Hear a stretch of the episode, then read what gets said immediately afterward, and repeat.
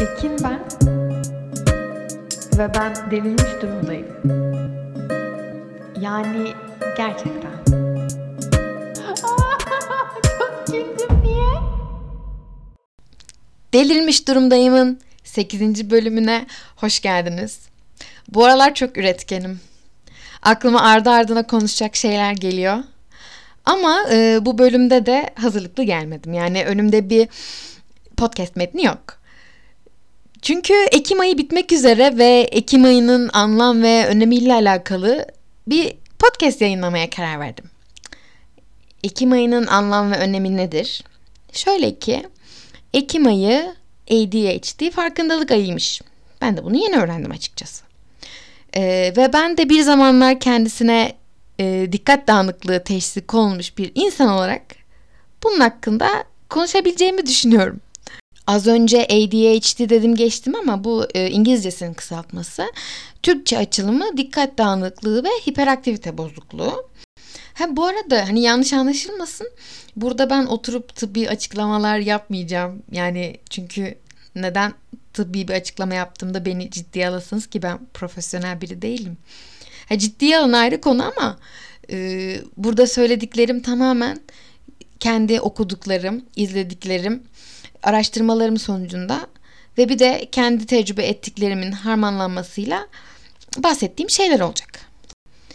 Yani bana acı gelen kısmı şu ki tamam belki e, bir zamanlar bir psikiyatrist tarafından hani konuldu bana bu teşhis bir ilaç tedavisi uygulandı bunun için. Ama benim o zamanlar psikiyatriste gitmemin asıl nedeni dikkat dağınıklığı değildi. Yani ben anksiyete ve sınav kaygısı adı altında gittim.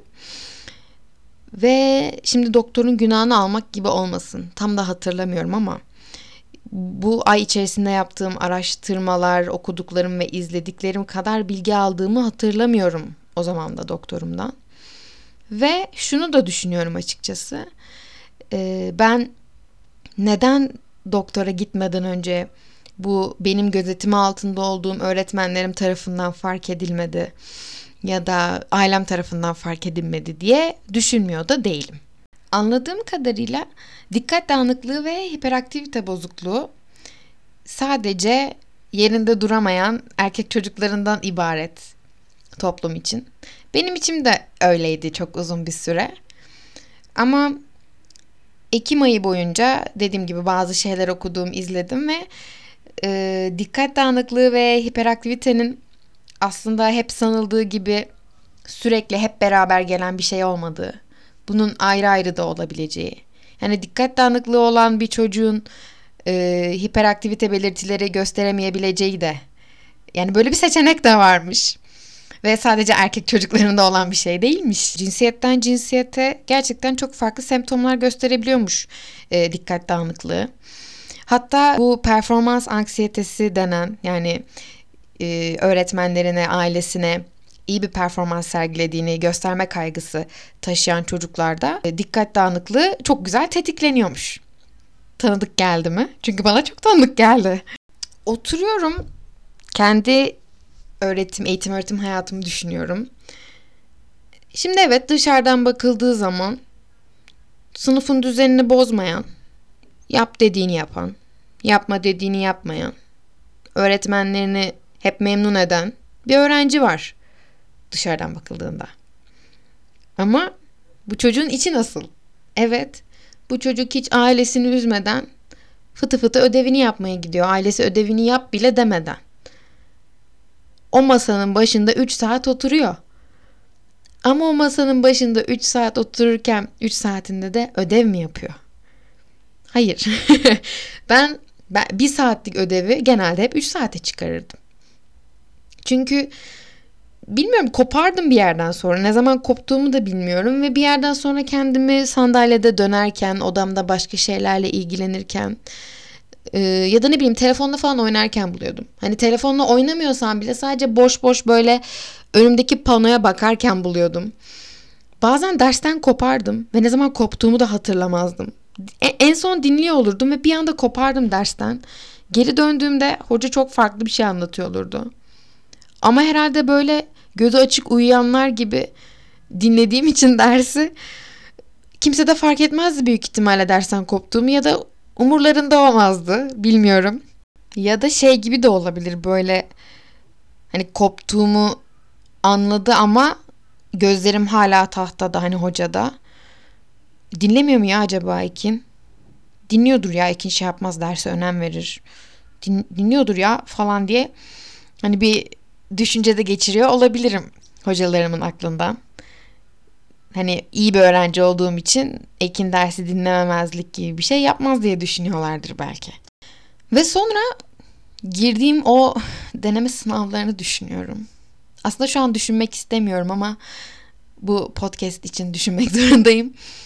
Saatlerce, saatlerce oturup saatlerce soru çözdüğümüz o sınavlarda en başlarda aşırı motive girerdim ve fok böyle full fokus girerdim ki her zaman da en başta Türkçe olurdu. Türkçe'de her zaman çok iddialıyım. Her zaman çok iddialıydım. Hala da çok iddialıyım. E, matematikten çok korkardım. E, o yüzden matematiği hep en sona bırakırdım.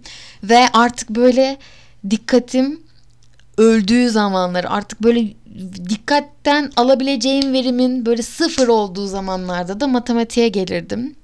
O zaman sen de matematiği en sona bırakma kardeşim dediğinizi duyar gibiyim. Denemedim mi zannediyorsunuz?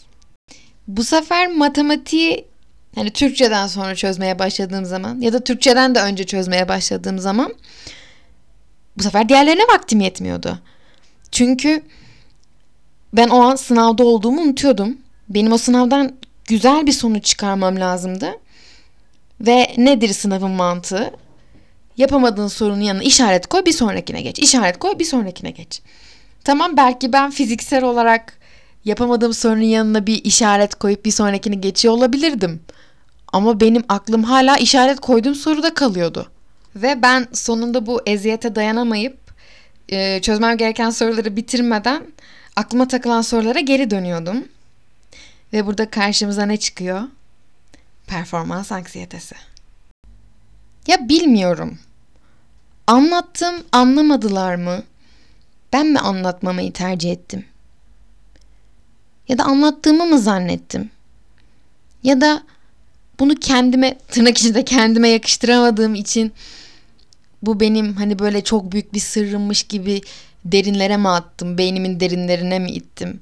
Hani Ekin sen yapamıyorsun diye bir şey yok mu dedim kendi kendime hep.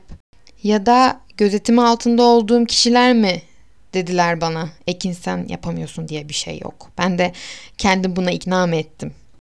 Ve her neyse yani sonuç olarak ne olduysa oldu. Bir şeyler çok geç fark edildi. Çok geç fark edildi.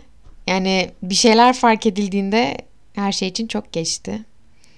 Aynı cümlenin ikisini aynı şekilde söyledim. Bir tanesini farklı şekilde söyledim. ee, belki biraz başa dönmüş gibi olacağım ama bunun gerçekten e, çok daha önceden fark edilmesini isterdim. E, rehber adı altında görev yapan kişilerin gerçekten rehber olmasını isterdim. Yanlış anlaşılmasın.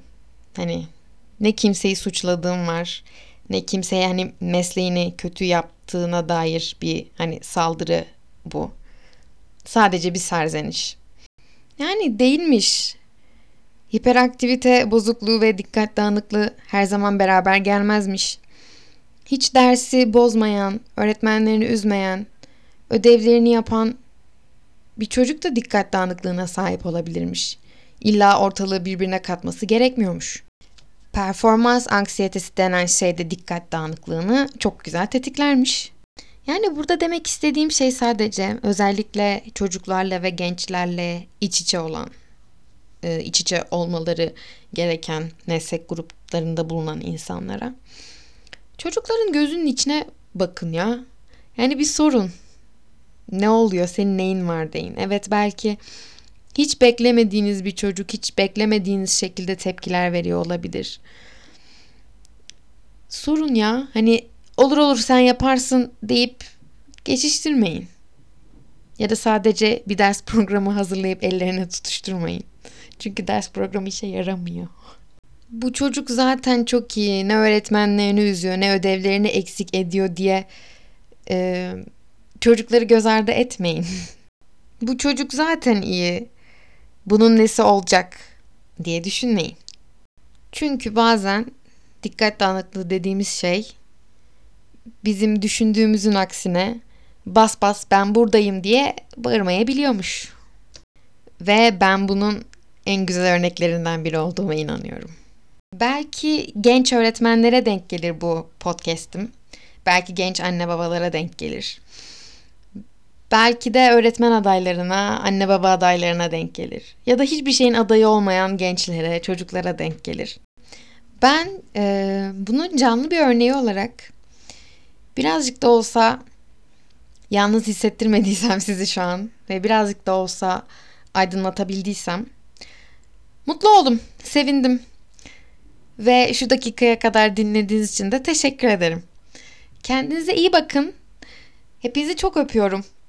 Ve ayrıca ım, bu konu hakkında biraz daha bilgilenmek, bir şeyler dinlemek isterseniz hemen hemen Doktor Bey'in şeyini buluyorum. Evet. Psikiyatrist Doktor İbrahim Bilgen. Bunu burada söylemem herhalde telif falan yemem diye düşünüyorum. Ben kendisinin videolarını izledim ve bu konuda bilinçlendim. Yani ilginizi çekerse dinleyin derim. Görüşürüz. Ekin ben. Ve ben delirmiş durumdayım. Yani gerçekten.